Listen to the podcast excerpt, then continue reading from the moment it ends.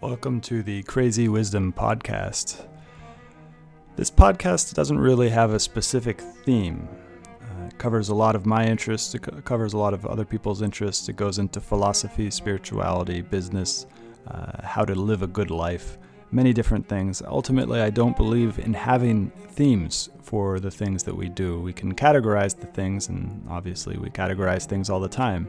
Uh, but I like to keep things open ended, a continuous process of discovering the truth as it is. Uh, and the truth is tricky because we can't really get to the truth uh, exactly because the truth is nonlinear. It is, in the words of John Vervaeke, combinatorially explosive. Uh, even the truth of this window that I'm looking at, the window itself, the glass that makes up the window is combinatorially explosive. The cup that holds your water is combinatorially explosive. You cannot model that cup totally in your head. You're only getting an image of it in with your eyes and your brain. That's not the actual cup itself. Uh, so this this show is a discovery of truth wherever it may appear by talking to people from various different fields. I've talked to artists, engineers, entrepreneurs, investors, uh, refugees. I've, I've just talking to anybody who has a glimpse into the truth. Uh, and through this conversation, through this mutual inquiry into what is true, what is real, hopefully we get to something that is helpful for to you. Now, we are in a time of crisis right now, uh, but it is in those times of crisis that we find our strength. And so, this show hopefully will help you to find the strength that is resting, that is deep inside of you, that is part of your birthright as a human being, uh, and find that strength so that you can get through these difficult times. Also, I want to let you know that I'm offering breathwork sessions uh, every day. I've got seven sessions a day. Uh, and really excited to bring this to people. People have been really enjoying it, and it has brought strength to people and courage. And, and that's my that's my goal is to help you find the courage to uh, not only survive but to thrive in the next couple years, maybe because this virus is not going away. Um, it, it, usually viruses come in waves. Uh, so this is the first wave. It will go away, and then it might come back. I'm not saying that I know for sure it will come back, but we are in this for the long haul. So this is a uh, marathon, not a sprint, uh, and I want to do everything I can to help you not only survive but to thrive. Uh, so. If you are interested in that, please find me on Twitter at Stewart Alsop III. My DMs are open. I'd love to hear about what you think about this show. Uh, also, it'd be very, very kind of you to both subscribe to the show on Spotify, Stitcher, uh, iTunes, many of the major pot plat- platforms. And if you're really feeling generous, go ahead and give a review on iTunes. So join me for the breath work. Just send me a message on Twitter at Stewart Alsop III with your email, and I'll add you to the email list where I'm sending out emails for the schedule. Uh, hopefully, see you there. Have a great day.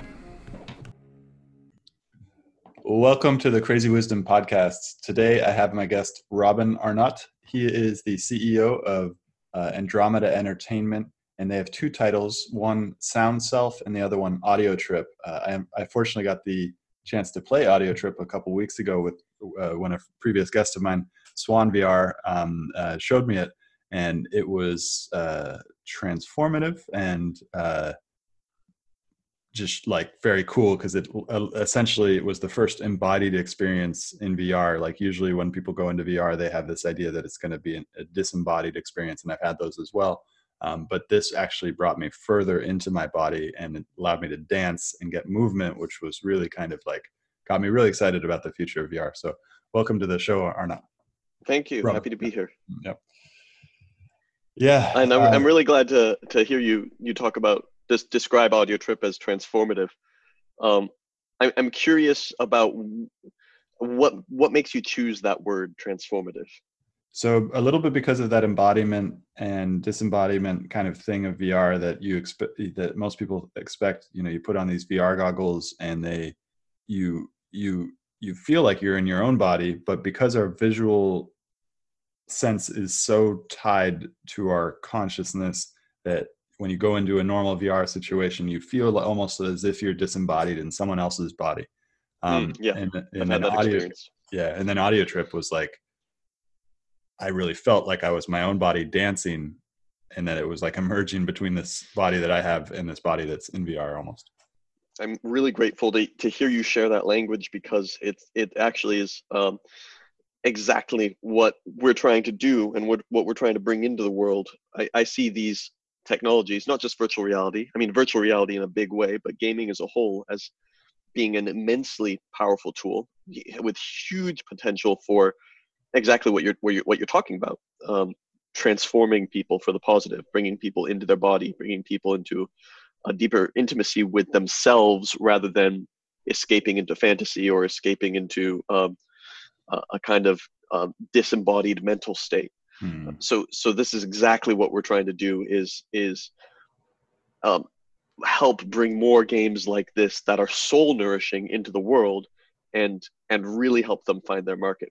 Because I think I think as soon as people start having experiences gaming, entertaining experiences that that do bring you more deeply into your body, I think the bar just uh, of what we expect from our entertainment just just gets higher. Hmm. And so I'm yeah I'm gonna get personal with this because I I grew up playing video games and video games were like in a very difficult childhood were were basically the source of uh they were a source of escape for sure but they were also a source of kind of like healing and and but it was this kind of disembodied thing where I'm, my eyes are on the computer and my my fingers are involved, but the rest of my body was not really involved. Um, and uh, and so to see something like this, like in VR, and it's it's kind of optimistic for me. Uh, I still think that there's going to be a lot of escape possibility. Of course. Um, yeah, I had a, a, very similar experience in my childhood, and, and hearing you you share that bring just brings up a lot of memories for me. I, I also remember uh, I loved video games, and I'm I'm I'm still grateful for my experience with them as a child. But I'm I'm I'm positive I was using them as an escape tool. Especially my my mom died when I was about ten, and the next four years I remember playing a lot of Civilization, mm.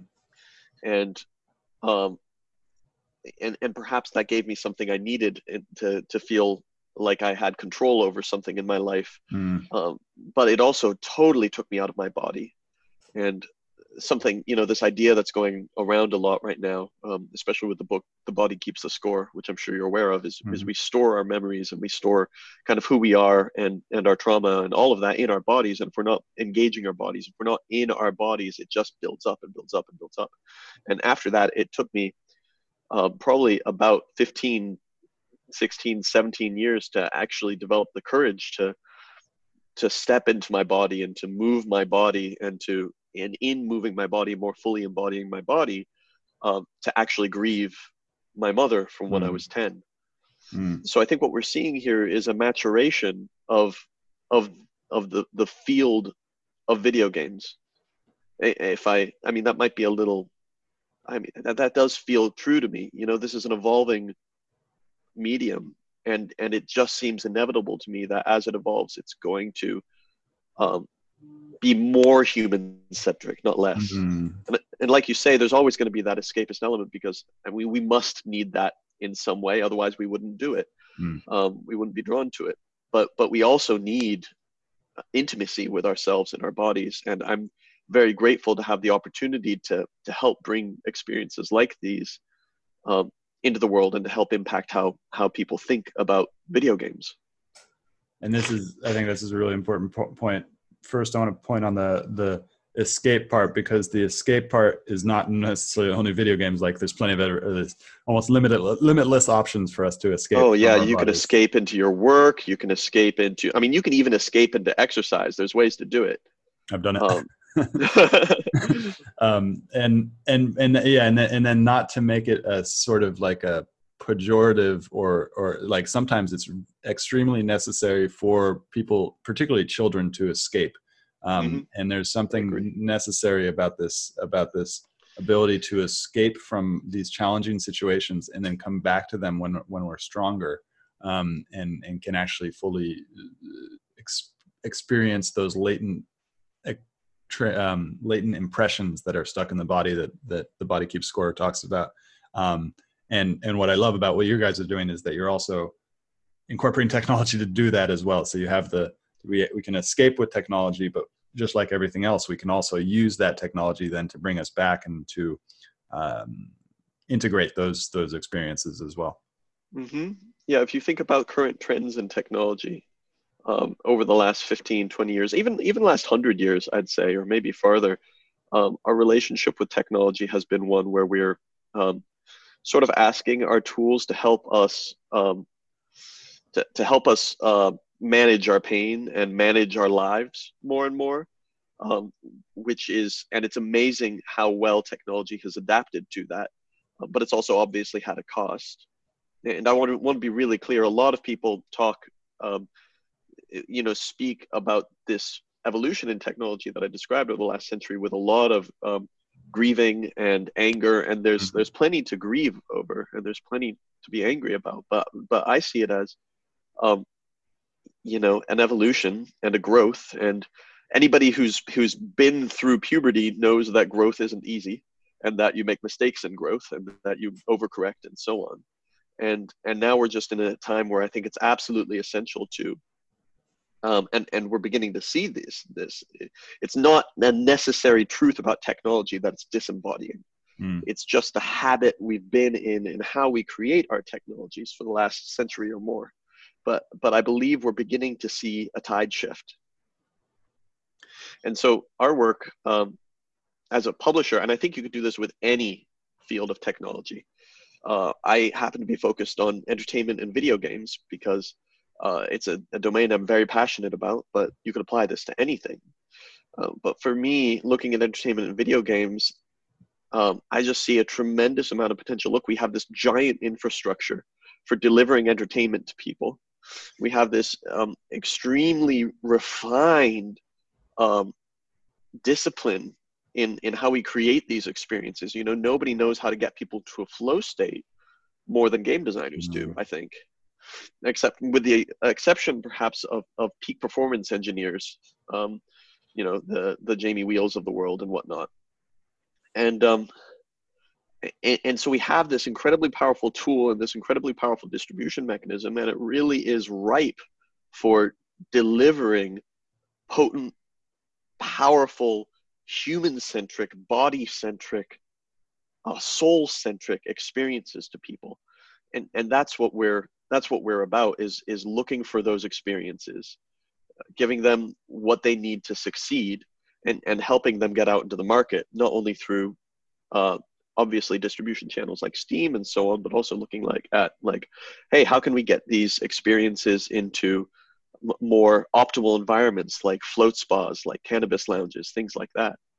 So, you know, then, Audiotrip. Yeah, go on, please. Uh, and then there's been a lot of talk. I mean, I hear I hear people all the time talk about how VR is going to revolutionize chronic pain treatment or uh, you know people in, in hospitals and all this different stuff. But I, I never it, it, seems like it's difficult. I don't ever see these these experiences in practice. Have you actually been seeing these and how much i mean it feels like Audio Trip could i mean Audio Trip seems a little bit too intense for somebody with uh with uh, or too active for somebody with like you know leukemia or something like that but are you seeing any other kind of like things that are developed specifically to treat diseases and other things there's plenty of stuff that's developed specifically to treat diseases. Mm-hmm. Um, and I'll, I'll tell you, I'm not interested in those things, and I'll tell you why. Um, because a lot of people are really interested in those things. Mm. That's not why. That's yeah. not why. Um, but but a lot of people are really interested in those things, and I think there's a um,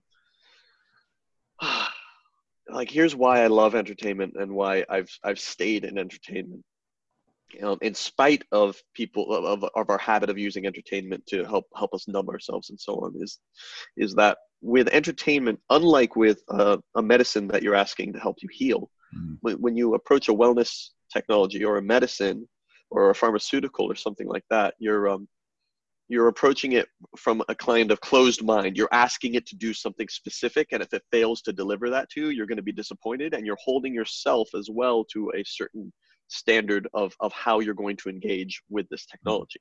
Mm-hmm. So you're approaching it already from a contracted state of mind. And art is not like that. And, and art, technologies of art are, are maybe one of the only things that we have that aren't like that. You approach a piece of art and you don't ask it for something specific. You're, you're brought to that piece of art by your intuition, by your innate sense of joy, and and you can't help but be open-hearted and surprised even by the most mundane piece of art that that absolutely fits your expectations of what you're after like like if you like um, mystery novels or rom-coms or things like that there is something it is doing on a on a heart level on, on the level of your uh, of of your meaning making apparatus that that is so much more potent and so much more um, touches you on such a more intuitive level than than a medical intervention can. So I'm I'm really only interested in art because and in projects that have a that are in their core works of art and in their core to be met as works of art because people just approach those experiences with a more open heart and, and more open to be impacted by them. Uh, when, when I give talks, one of the things I, I like to ask people as soon as I get up on stage is how many people here have had their lives changed for the positive, changed for the good, transformed by medical intervention. And obviously, a spattering of hands go go up because these are very important things for a lot of people. Um, but then I ask how many people here have had their lives transformed by a work of art, and all the hands in the room go up. And so we know this on a like we just know this. We already know that that art is more important to our lives and more important to our ongoing transformation and our becoming of who we are than medicine, than um, even like wellness technology, even things like meditation and yoga. Art is more important, it is more impactful. It's one of those things that's almost so close you can't see it, but because it's not, it's so subjective and it's so, you can't be prescribed a work of art. You have to go to it on your own. Um, I, I think it's hard to quantify the impact. And so you don't get, um, I, I, I think we don't, at least in, in these fields like medicine, where you really are trying to quantify everything, we don't really truly appreciate the power of this form So, so I'm leaving medical interventions to other people who are interested in that, and God bless them. It's, but um, from that, yeah, what you just said, you might have discovered this differently, but it also sounds like you might have read the the book Infinite Games, Finite Games by James Carse. I'm aware of that book. I have it uh-huh. sitting on my bookshelf. I've read the first few pages several times yeah. and been amazed and just not made time for the whole book yet. But yeah. I know what you mean. Um, yeah. So so medicine and and even wellness and for people starting out a meditation practice and yoga practice and things like that, it's it's a finite game. These things can become infinite games. Um, but but art is always an infinite game. Yeah. Well, and that's what I and that's what I love about doing this podcast is that I try not to have a preset theme going in um, because I want to explore and I want to play and I want to have the most important, meaningful thing come up. And as you were saying that, it, it feels like that's my art is essentially going into conversations with no idea where it's going um, and then playing and figuring out where we're going uh, as we do it. Uh, and then those are the most kind of beautiful conversations. And then there's this sense of um, so you said meditation is a finite game, and for most people is because they have this when you start. Mm-hmm. Yeah. Okay. Yeah. And and and and and I, I think it even even when people don't start, but yeah, eventually if you don't do enough meditation, you start to disembod- disconnect the word meditation with the activity and even like going beyond that to another thing like meditation is the word meditation does not at all point you to where meditation leads. Mm. um, and so like but it can be that with anything. And and so you know you, you have these yogis. I was just thinking about this. I think it was before we before we talked but it might have been as as we we're talking about it. How you have these group of yogis in the united states who have gotten their yoga teachings from uh, from indian uh, indian gurus in india who uh, who grew up during like just after colonization and then or even before colonization, and then brought their teachings to the United States, and then used a lot of Sanskrit words in the yoga teachings. And then through the 80s and 90s, when yoga wasn't really as mainstream, you had these small groups that kind of, some of which were actually cults, some of which weren't, uh, and that that basically used this language of Sanskrit to create an in-group, out-group mentality almost. Uh, and now we have hmm. this mainstream yoga where you go, you know, CorePower and all this kind of like exercise, yoga focused, uh, which which also includes some Sanskrit. But then I was thinking about how it's like for me, I've wanted to not strip the my practices of of of, of the languages. Like I know all the words uh, of of uh, not all the words, but I know a lot of the words in Sanskrit and from Buddhist teachings and stuff like that. But I rarely ever bring them into my breath work or bring them into anyone because language has a way of separating. And that if you and and that's if you don't know the language, then the, then it'll be like I have no idea what that words means. Um, uh, but then it also, if you do know the language, the language itself will bring you down a pillar of understanding, bring you back down a path of understanding um, that somebody else will have a completely different path of understanding um, mm. based on your experiences with that word. Mm-hmm. Yeah. Well, uh, this, this brings me to another reason why I really have chosen games. Um, is so we have this incredibly powerful and amazing capacity for language, and it's one of the huge gifts of being human and we we carry it with it with us all the time. Um, but it's the moments when we can turn our our language. You know, the the wisdom, the truth is never in the word. And the, the word can point, but but it it but the word doesn't even encapsulate the, the truth. It it just points to something. And but when we're playing, when we're in a game, we're in we're, we are in a practice. You know, when you're in yoga or meditation, we call it a, a practice. Um, it's something you do again and again. It's never something you perfect. It's never something that you're done with. And i see gameplay as being the same thing. It's it's, it's a practice. Um, a good game. A, a, good game is is something that is large enough that it, it can that it can be a practice. You know something you can you get things like tic-tac-toe and tic-tac-toe is, is probably never going to be a practice and maybe when you're you're three it can be but mm-hmm. with with video games we can and not just video games, but games in general, we can really make a practice out of anything. And you can make a practice, and most of most of what the field is engaged with, consciously or not, is making a practice out of some sort of uh, ego role play. Hmm. Uh, which I think is is very useful. You know, it's very useful to put our shoe ourselves in someone else's shoes and practice being them. It's really useful to put ourselves in a position of of sort of absolute authority and practice something there. Um, to you know going back to my experience of civilization as a kid i think i think being the total master of a small world was uh, was valuable to me in some way but we can also use games to have us practice something something else. If you imagine soccer you're practicing hand-eye coordination you're practicing breathing you're practicing being in your body. I mean it's the same with audio trip. You're practicing being in a flow. You're practice dancing, you're practicing finding a rhythm and then synchronizing your whole body to that rhythm. In, in SoundSelf, you're practicing a deep intimacy with your breath and with your voice, and you're, you're actually practicing surrender. And, and that is a practice. Ironically, surrender is a practice.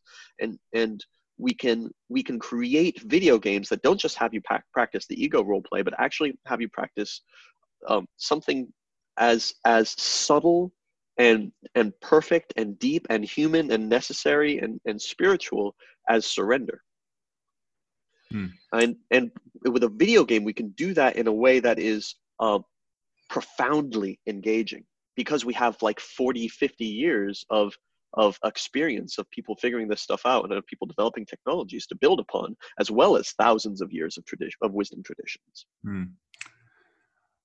And so, what is exactly is SoundSelf? Sound Self's a meditation experience. Um, I'm I'm really glad you asked because it's a, a, very special experience to me.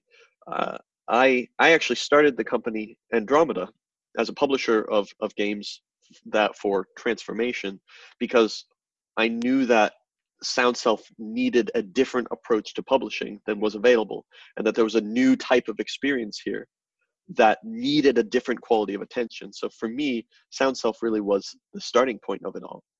Uh, it came to me, the design came to me as uh, in my first oneness experience, or not in my first oneness experience. I had my first oneness experience, which was tremendously powerful. And months and months later, as I was remembering the experience, I just the whole concept of what SoundSelf is came to me. Like I just knew that if a person vocalized because that was that was my first oneness experience. I was vocalizing and I heard voices around me that were really there in the space.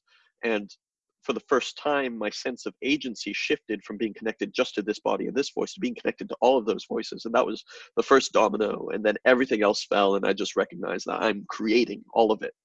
Um, and it was incredibly powerful, obviously. I mean, words don't can't capture it at all. Um, so I realized months later that that experience was something I could use a video game, the structure of a video game, the rules of a video game to to step someone into.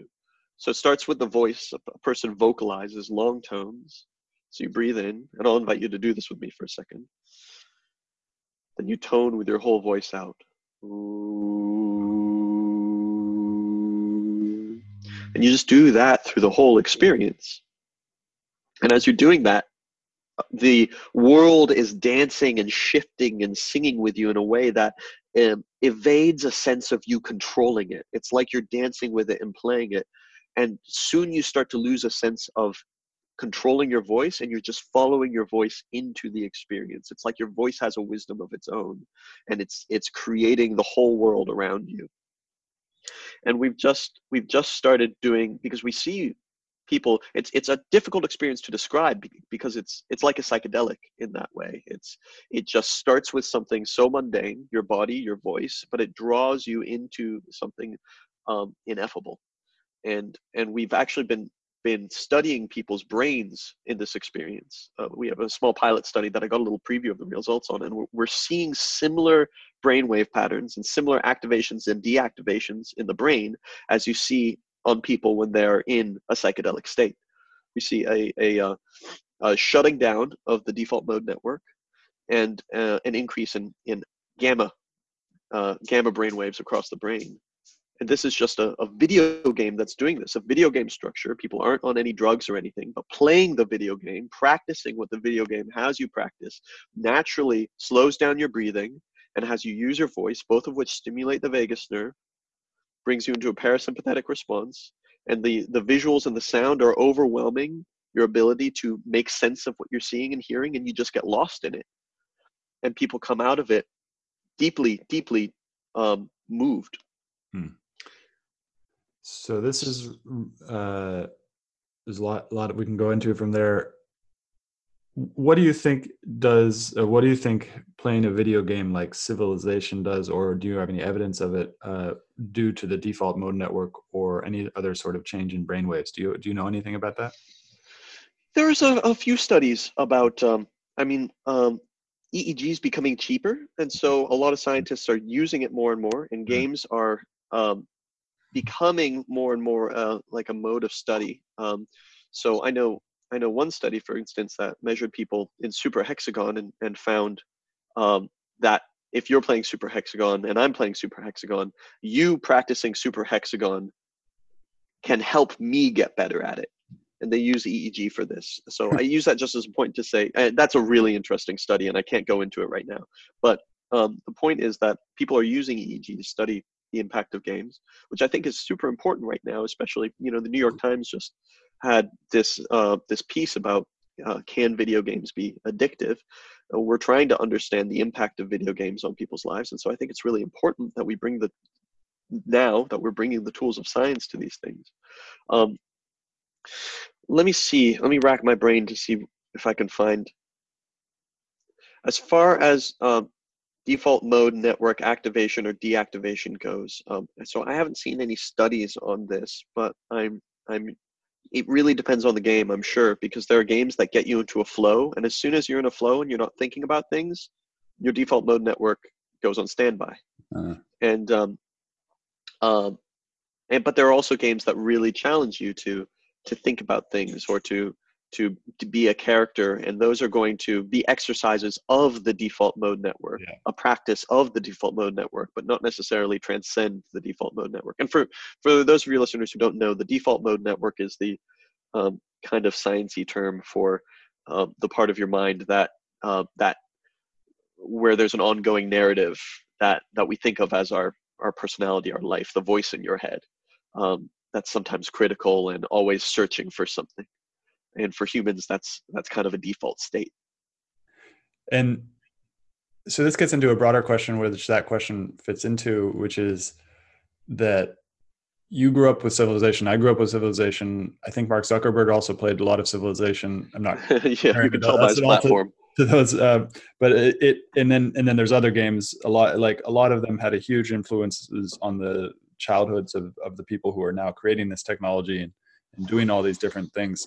And then there's another theme of it, which and I saw you were on the simulation show with uh, Allen Saakyan, and he talks a lot about this, which is that you know maybe we're in a simulation and that if we can code games really well uh, that may mean that we're part of the game.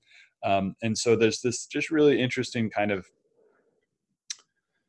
mixture of of gaming and technology and i want to hear from you like how do you think our generation has been influenced by games and how will it continue to influence us into the future yeah our games because our games are a practice they profoundly impact who we are mm-hmm. and, and especially the games that you play you know the, the movies and the art that you enjoyed as a kid um, going back to my question, you know, who here has been um, uh, transformed by a piece of uh, by medicine? Who here has been transformed by a piece of art? You know, the art we absorb as kids, especially, is um, mm-hmm. it, it it it to say it affects who we are is an understatement. It becomes part of the foundation of who we are, mm. and that's true with books because with with fiction, fiction's extremely powerful. Um, with fiction, you you try on being someone else you try on that archetype and you find that archetype within you and parts of it stick and parts of it don't i think it's really beautiful you see uh, you uh, read kids books and as as they get older they become um, the archetypes become more mingled and more nuanced but early on they're just raw archetypes because you're you know i have a a, uh, a five year old and and he's he very much practices these archetypes of like the superhero the warrior. So uh, the art we experience when we're young defines us. It, it, makes us. And i think that's that's doubly true of the games we play um, i mean and that could be a video game or that can be just uh, kids play games. I mean humans play games. That's what we do. And and we can we can that can be on a screen or in vr or whatever or it can just be out and about playing with your friends. Um, when you're eight years old 12 years old three years old 20 years old um, but especially when you're young. And so, um, yeah, the games that we play, it's like to try to quantify or, or to try to like to to tell a story about how like you know this game causes this sort of thing or this game causes it that seems almost like because i think this is another thing that's actually so close that we, that you can't quite see it it's mm. so it, it is so a part of who you are. Now, but but let me try. You know, like, okay, so you grew up on Civilization. I grew up on Civilization. Mark Zuckerberg grew up on Civilization. And let, let me just ask you, how how do you think that game impacted your whole personality in life? Yeah, I mean, I and I, this gets into something I want to ask you too. So, um, I grew up. My best friend. I remember the day that I found Civilization. Uh, I might get emotional. Uh, so I was uh, at a friend's house, uh, and he had Civilization One going on in his computer. And I remember going back into the den, and a bunch of us. It was there was four of us, and all uh, all three of us like joined my friend playing it. And I remember seeing that little figure going around, and then I remember like then I have a lot more memories, episodic memories of of you know a year later playing it on my own and discovering this civil this technology called metallurgy and and then understanding you know the Romans and and and like then having this uh, city called Riga, Latvia, and then having no idea where that was, and and, and but then eventually discovering where Riga, Latvia was, and and then we'd also play with. Um, we'd also when we take breaks, we'd go and eat at in his in his lunchroom, and on we would eat on these placemats with the map of the world. And that was the most interesting thing for me about Civilization. What I loved about Civilization too was that you could play on the actual map of the world because there was something that I liked about the actual, like thinking about growing civilizations on the world and having it be at least somewhat historically accurate. My friend that I played with, and we, we, you know, it was seven years where we basically played all versions of Civilization. He ended up becoming a history professor at Stanford. So, oh, wow. but also probably wow. him. Uh, and then uh, and then so for me, it it it sparked this love of of the real map of of the map of the earth and understanding uh, the rise of cultures the rise of history and so it led me on this like 10 year journey of like going to other countries and living in other countries learning other languages uh, and then and then that actually gets to what i'm now doing with this show is that i'm that i grew up in silicon valley I grew up in this area and then i'm but i've my most of my 20s has actually been spent discovering other places and then i happened upon a, a friend of mine in brazil who was starting a company and who read all this stuff about starting companies and then that brought me more into Silicon Valley and realizing, oh, this I grew up in this place where they're they've been doing this, and civilization was a product of it essentially. Mm. Um, and well, although I think he was in Seattle, the guy who created that, but um, but like I grew up immersed in it, and then I had to leave it, and in order to find it again, and then now I'm going back out again. So I'm actually going to start turning the show into discovering the creative nature of of uh, places outside of Silicon Valley and how the ambition and the uh, spirit of Silicon Valley are now being distributed as San Francisco and Silicon Valley seem to be contracting. Um, and so, and I'd, I'd like to ask you, I, I, feel like that answered your question, but if not, let me know. Yes. I'd also, I'd also like to ask you why, because I know you guys are based in Austin. Why are you guys starting in Austin, not here? Well, so I'll, i want to, I want, I'd love to go into that, but first sure. I kind of want to um, uh, tail onto what you were talking about, what civilization taught you, and go back to your original question. You know, how do how do these games change our culture now. Now, so you're you're we're in a world where like a lot of us grew up playing Civilization. Mm-hmm. There's other games that a lot of us grew up playing. Um, Doom, Wolfenstein, uh, mm-hmm. first-person shooters were a thing that really evolved in uh, probably your and my childhood. Mm-hmm. And um, and now we're we're in a and again I want to be really careful not to not to criticize and, and judge uh, that's not my intention here. It's it's just to to kind of step back and see the natural seesawing of of you know a human grows through their own infancy and childhood and adolescence and and our culture also goes through periods of adolescence and mm-hmm. and adolescence and adolescence as we integrate new things and new things and new things um, so so i wonder like what does the language of a person first person shooter what has that what has that mm-hmm. done to our culture that is um, that is so close we can't see it. Hmm. Um, what does so civilization for me? I, I can tell you like so. I, I, also developed this love of history from civilization, which is such a gift. Uh, and I also um, developed, and I think I can point this like partly at least to practicing civilization as a way to uh, kind of control my my pain about losing my mother. Um, the kind of uh, micromanaging and um, optimization of minutiae, um, practicing that night after night after night in civilization, um, became a, a real part of my my personality that I I kind of had to um, and I'm still um, in some ways appreciating the gifts of and in some ways having to unlearn so that I can just trust more and be more in flow. Mm-hmm. That's and so like yeah, go on. That's a really good point, and it also reminds me of Red Alert too, and something I've been thinking about mm. a lot a couple months is that uh, is that this resource gathering and this planning for the future. Oh my gosh! Yes. yeah. Yeah. And and what happens? So there's a there's an invisible encoding there of a of a culture's values, and there's an invisible practicing of that culture's values and reinforcement of certain aspects of that culture's values. And now what happens if our generation produces for for kids these days games that have them practicing um, a more uh, ecological level of consciousness or a more hmm. cooperative mm. style of gameplay or a more or games like what we're doing that bring you either into your body in a flow or into your your soul with a meditation you know how does that if you're practicing those kinds of experiences day after day after day after day after day what is the culture we create with that and, and both like what's the good things about that and what's the terribly shitty things about that that we can't even see right now mm. you know?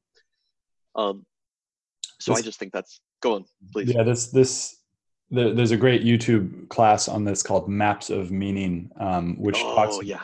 Have you you've, you've watched it? Or, yes. yeah.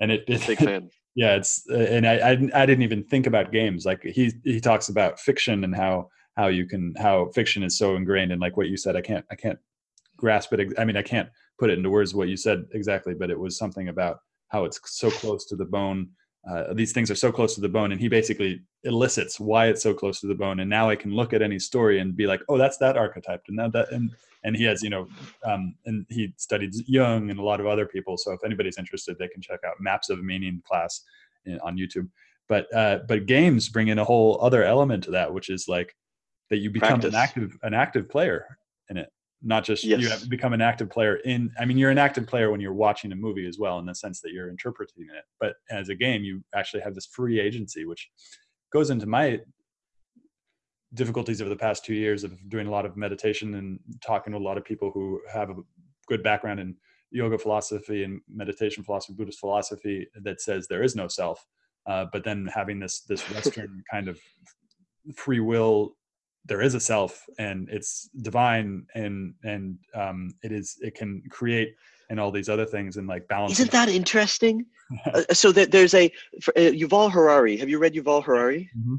yeah so he says one of the most beautiful things i forget if it was homo deus he says this or sapiens he says this but he says if you want to understand a people you don't look at you don't look at what they what they say about themselves or what they know about themselves. Mm. So so like let's talk about um, uh, the Romans, for example. The the Romans were uh, really valued um, uh, achievement and um, and class and mm. domination and so on. Mm. But if you really want to understand a people, you don't look at those things. You look at where the the cognitive dissonance is, uh. because it's it's the cognitive dissonance that that is playing out that shows what that culture is practicing the, the where you have these mm. two contradictory beliefs playing against that's where the life really is you know and so so you look at and i think that's where the art really is as well mm. like the art always emerges the, the the powerful art always emerges in the place between two irreconcilable differences mm. that can only express themselves in in something um sort of um uh, in in um, uh, uncompressible. Um, so for our culture, and this is this is true personally as well. You know, what's true for a culture is true for a person. Like if you want to understand a person and love a person, it's like like it's it's not what they know they are and what they mm. absolutely are. It's where they're at war with themselves. Mm. And and so you look at our culture and it's like, okay, so what has our art been what is the the the liminal space that our art has been playing in in the last hundred years, um, and so much of that is about uh, I think the idea of freedom versus the idea of um, being part of something. Huh. So individuality versus um, uh, I don't know the word for that being a part of something. You know, collectivism. Yeah, something like that, and they're they're irreconcilable. Um, now you can find reconciliations but those reconciliations are always temporary but like it's so interesting you look at the games of the last 50 100 years and there there is there's this tension there. Now what's a tension that's going on in our culture that's just being birthed in our culture now that's been around for you know millennia as part of the human endeavor but that that's now a, a part of the birth of part of who we are growing up in in the new millennium with the influence of eastern Eastern philosophies and religions coming into a capitalist culture. Um, mm. Where we are is really this like the idea of the self versus the idea of no self, you know? Mm. And so so what does the what does what does a culture that's practicing that tension look like? Mm. What does a culture that's practicing that tension create in its art? And I don't have answers to these things, but but I think that I, I get really excited when I imagine the core tension of our culture shifting and evolving as we leave what was our core tension of our parents and our grandparents age et cetera behind and, and adapt adopt and take in and internalize and, and and practice and integrate and struggle with and fight over a new tension not only in ourselves but in our in how we interrelate. So this is beautiful and everything you just said reminds me of the shadow and that if you want to find the gold in your own body and then you brought it out to a civilization or a culture level as well as if you want to understand the beauty in a culture you look at their shadow look at the things that they don't want to talk about and then mm-hmm. this gets and this is a direct idea from jung as well and jung to get into what you just said jung talked about how the west is not was not ready when he when he was talking the west was not ready to understand eastern concepts like mm. the, the idea that there is no self actually or the experience that there is no self um, was something that the western kind of cultural mind was not able to comprehend. And and he actually he went he he found a lot of translations and he didn't do it too well. So like the idea that the chakras align to um, the, the idea that there are chakras in the body and that they align so that the manipura chakra the chakra of the stomach is uh, identified with our will and our ego that is something that he essentially created and saw. And and and he he created that story out of what he saw from these translations of of, of uh, eastern scriptures but it turns out that um, there are actually many different chakra systems uh, and if you want to understand more about this you can look at the work of Christopher Wallis. Um, he's a sanskrit scholar who's translating a lot of these things but um, that the that there are many chakra systems, and so and so this seven chakra system was just one of many many different chakra systems, and each chakra system it's like a way of just mapping the energetic body of the of the thing but that gets into a concept that the west is also not really have is this concept of an energy body i mean it might it might be experienced in right because the there's the tension the tension that we've been practicing i say we i mean our grandparents and great grandparents and great great grandparents uh, the western tradition has been practicing has been been a, a tension of um of I, I guess the the chaos and will of the world mm. versus the the autocratic power of of the individual and our needs basically our ability to kind of conquer the world and so mm-hmm. so our, our our view of the world has been reduced to what we can see and what we can master right mm. and so that impacts our ability to integrate these other um, modalities of understanding and this gets into some so so what i want to say from that is we have culture which is mixed with the environment and history and our genetics and that you know my genetics is mostly made up of, of western europeans who were fighting the cold and then they were fighting um, uh, tyrannical societies and then they made their, the way to the united states and instead they started oh now we got to fight uh, nature um, and be on our mm-hmm. own and like grow our own food and then um, and then you know and then they in my particular part of the they became part of the, the ruling class and and and then and then now and you know just the last couple generations moved to the west and and the west, the west is this environment, and particularly San Francisco, of innovation and all this different stuff. And then now from San Francisco, which is then expanding, we've created these platforms. One of which is the one we're speaking on right now, Zoom. Um, and, and, you know, there, then there's Facebook and Google that have just like totally dominated the world in their in their network effect. Um, and then now San Francisco is facing this crisis. Uh, and and but but the world culture is now almost like I, well, this is a question, an inquiry is like, is it homogenizing? So if you're growing up in Afghanistan and you have connection to the internet and you speak English, um, are you also becoming very similar to somebody who speaks English in United States? What is that interplay between um, the local culture, the the meetings you're having in person, and then what the inputs that you're getting from online? And, and it's mm. weird. And how how is your like how how is is your uh, your your your culture, your heritage, then impacted by by the the Facebook mm. game, right? Yep. Go on. Oh, and then so it gets into like this question of like why are you guys starting in Austin and what? And I'd love to see or hear your opinion on this kind of global culture arising. Yeah, well, I'm I'm glad you asked. And um, when you brought up, you know, the way Silicon Valley uh, is, I'm reading a book right now called uh, "This The Hidden Life of Trees," Um, really beautiful book. I highly recommend it for anyone who um, it wants to just open up to the mystery of life beyond uh, beyond the animal kingdom. Uh, it it's it it just shows how much more intelligence and and uh, magic there is in, in the in the in the plant kingdom than than meets the eye.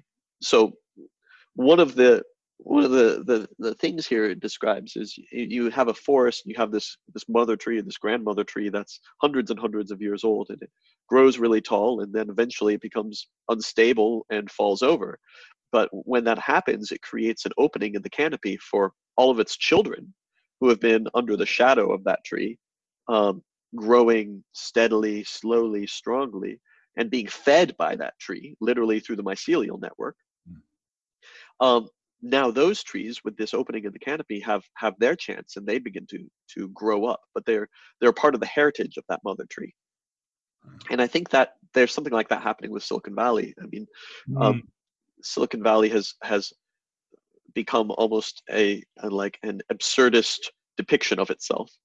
Um, and it's it's not sustainable but there's something really beautiful that that mm. happened there and has been happening there for you know 50 years or so and um and there's these little middle mini silicon valleys now emerging all over the place that are each each a kind of uh, unique expression of of of parts of it and a, a rejection of other parts of it mm. and i think that's absolutely happening in austin texas um, i think that the um, what I see, and I'm in a bubble. Um, you know, we have a Facebook office emerging in Austin now, and um, this part of the the city called the Mueller Development, which is just a bunch of um, uh, houses basically made for the new tech elite. And um, I'm so far apart from that, you know, like so because I'm in such a bubble. But but the bubble that I am in is um, it takes from Silicon Valley the kind of uh, uh, the kind of technological optimism that that um, that Burning Man was such a huge part of. Mm. Um, while also, I mean, Austin is a forest. You you get up on the highways and you look out over the city and you just see woods everywhere mm. and and little taller buildings poking out through the woods. There's there's forest everywhere, and the the local government does a really good job protecting our uh, our our nature resources. Um, through through the green belts, which is a park system, um, through uh, giving people tax incentives to uh, develop a little wildernesses in their backyards and on their property, um, through to the uh, the state parks that are just outside of Austin, and and obviously Barton Springs, which is this amazing spring water pool. Um, so there's a real culture here of appreciating wildlife and and the wilderness. Um, maybe not to the extent as you have in somewhere like Boulder, Colorado, but certainly more than you have in, in downtown San Francisco or Oakland or something like that. So you have this fusion between the uh, technological optimism and um, and uh, kind of spiritual centeredness of of Burning Man culture and and parts of Silicon Valley, um, meeting a, a real closeness and appreciation of nature here that is um, so much more sustainable than I think is what what's happening in Silicon Valley. And mm-hmm. so, so there are a lot of little companies sprouting up here, um, but it's so much smaller and more intimate. And and there's there's definitely a tether to Silicon Valley. So you know, in, yeah. in my company, I'm flying out to the Valley three or four times a year for conferences and events and to connect with people there and and then hosting people here who come in in from Silicon Valley and and what what what I hear from people in LA and Silicon Valley is that what's happening here in Austin that's unique is this emergence of a um, uh, a more spiritually centered uh, entertainment. So um, events that are using events and practices that are using technologies like video games, um, but also you know like vibroacoustic beds and light therapies and so on and just mashing them together in a way that's really fun and celebratory and and also does something for for for drawing a person's attention back inward towards towards themselves towards their you know i say towards their soul or towards the towards the through the body to the soul mm. um, so LA obviously has a huge entertainment culture, but but it, it is inherited so much of what that culture is from uh, a uh, hundred years of Hollywood. Mm. In Silicon Valley, it doesn't really, I don't know, it, it has much of a, it, it has whatever it needs to feed the the huge economic ecosystem that is Silicon Valley. Mm. Um, but Austin is this really wonderful little uh, gem sitting in a forest where people are really practicing a lot of people are really practicing a conscious relationship with their technology and with their entertainment hmm. and with what they're building and how they're building it. So we have uh, my company practices holacracy. So you introduced me at the beginning of the program as um, the CEO of Andromeda, which is what I am and what um, what we call me to make things easier for the rest of the world. But holacracy is a, a practice of um, uh, of self management and um, it's a system of running a company that really allows everyone's creativity and wisdom to shine through rather than kind of following the, the vision of, of uh, a leader at the top. there's there's room for a lot of different kinds of leadership, and so uh, Austin is also the center of innovation. The guy who founded Holacracy is in Austin, and mm. there's people working on all sorts of different innovative power structures here in Austin. A lot of the the venture capitalists I talk to in Austin, you know, they come from kind of a Silicon Valley school, but they're really trying to to to make a more conscious uh, a more conscious culture of capital. Um, so uh, what I see here happening in Austin is is just like everything that Silicon Valley has been trying to be in the last 15 to 20 years with the human potential movement and so on, but but couldn't quite actualize because of a because of the huge pressures of rising prices in Silicon Valley, and and um, immense building um, uh, competitive pressure.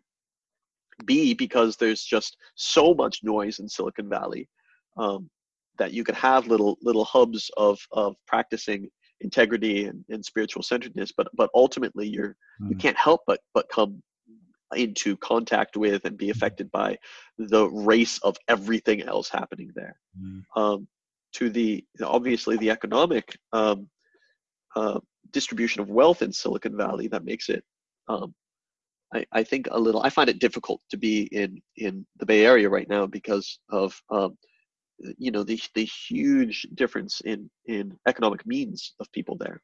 Um, so you you have what Silicon Valley's been trying to be in with the human potential movement and whatnot, really getting a new place to practice here in Austin and to practice without all the distractions and all the pressures of the valley.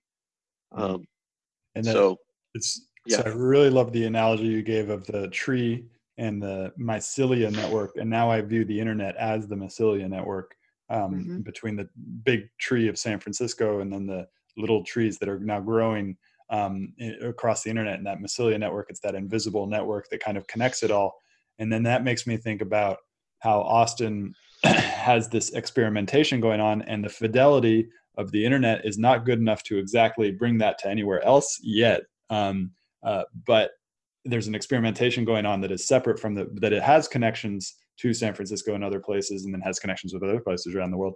Um, uh, but then there's there's the experimentation going on that will then essentially have a lot of these different things come up, and then will give their own take. And I, I, never on the show I don't say that San Francisco is going to um, collapse because it's not. It's going to remain very very important, like apps, uh, relatively extremely important, um, way bigger than all the other ecosystems, but absolutely we're going to start to see a much larger rise in all these other places as well mm-hmm. Mm-hmm. yeah and and they're like they're like you can see them as like san francisco's children in a way mm. and there are like with any child there's a way they rebel against their parents and often find deeper wisdom through that rebelling mm. um, and also with by being in a, a, relative childhood and so speaking literally of, of a city of an economic ecosystem what that means is just um, say less resource competitiveness, um, more which leaves more room to play, more room to make mistakes, mm. um, more room to try crazy things out, um, and not you know um, mortgage the house to do so, uh, and, and more more room to be in connection with nature.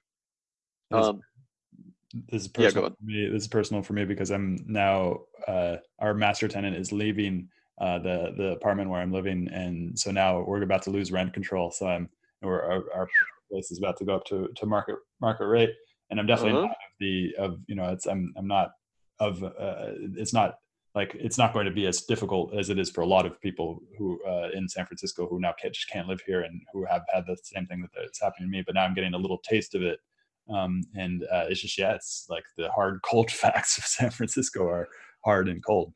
Um, yeah, and it's yeah. not. I don't think. I mean, limitations are extremely conducive to creative thinking and problem solving. Mm-hmm. But the kind of pressure you have in San Francisco, um, I mean, the worst thing that you want to happen with with technologies this powerful is is, is for them to be created from and to embody mm-hmm. um, a kind of quality of um, what's uh, of uh, scarcity. Mm-hmm. resource scarcity, attention scarcity, and then you get these technologies and these products that are uh, that are clingy for attention, mm. um, that are clingy, that are that are hungry for money, that are arrogant in their insistence that they're going to um, that they're going to change your life and make you a better person. Um, and and I think all of that comes from a a that they're born in a in a culture that just by by a mechanism of the immense pressure of being there um, makes makes for this um, uh, mental um, an embodied mental model of scarcity and that comes across in the products yep well this has been really cool and i feel like we should do a um, series like the maps of meaning one but we should do it for um, games and how that oh yeah. affects it. But uh, i'd be thrilled to work with you on that. Seriously if you want to do that then uh, then uh, let's let's put in some work and do it. Yeah we could do, we could do a one month uh, a, a monthly live streaming um, interview where we go into the game the maps of meaning for games. Yeah. That'd be really cool. That's a great idea yeah. Uh, well thank you so much for the show for coming on the show uh, and how can uh, people find out more about what you're working on? Well yeah all of our socials are enter andromeda e-n-t-e-r-a-n-d-r-o-m-e-d-a you can go to uh, enterandromeda.com to learn more about uh, what we're putting out in the world. Uh, if you'd like to check out Audio Trip, you can go to kinemotik.com, and that's uh, that's K-I-N-E-M-O-T-I-K.com. Audiotrip is now available early access on Steam and the Oculus Store. It's a, a VR experience, and we have just opened the well, it's a closed beta, but we are uh, looking for people to help us play SoundSelf, help us find bugs, and help us polish SoundSelf in its last few months of development. So go to soundself.com, click join Discord, and uh, and we'd be happy to bring you onto the closed beta there if you'd like to uh, help us find some of the last niggles in the game and make it even better. Hope you enjoyed this episode. I'll be publishing episodes every Monday, Wednesday, and Friday in the morning. If you did enjoy this episode, please find us on iTunes, Spotify, Stitcher, many of the major podcasting platforms, and go ahead and give us a review. And also subscribe. And as always, I'm on Twitter at Stewart Alsop III. Come join the conversation as we aim towards the truth. And funny thing about truth is that you can't really put it into words because every time you put the truth into words, you create a linear narrative out of something that is nonlinear. The truth is nonlinear. It's not. It's. It's. If you really recognize the truth right now, your mind wouldn't know what to do. It'd be overwhelmed by beauty, pain, or it's.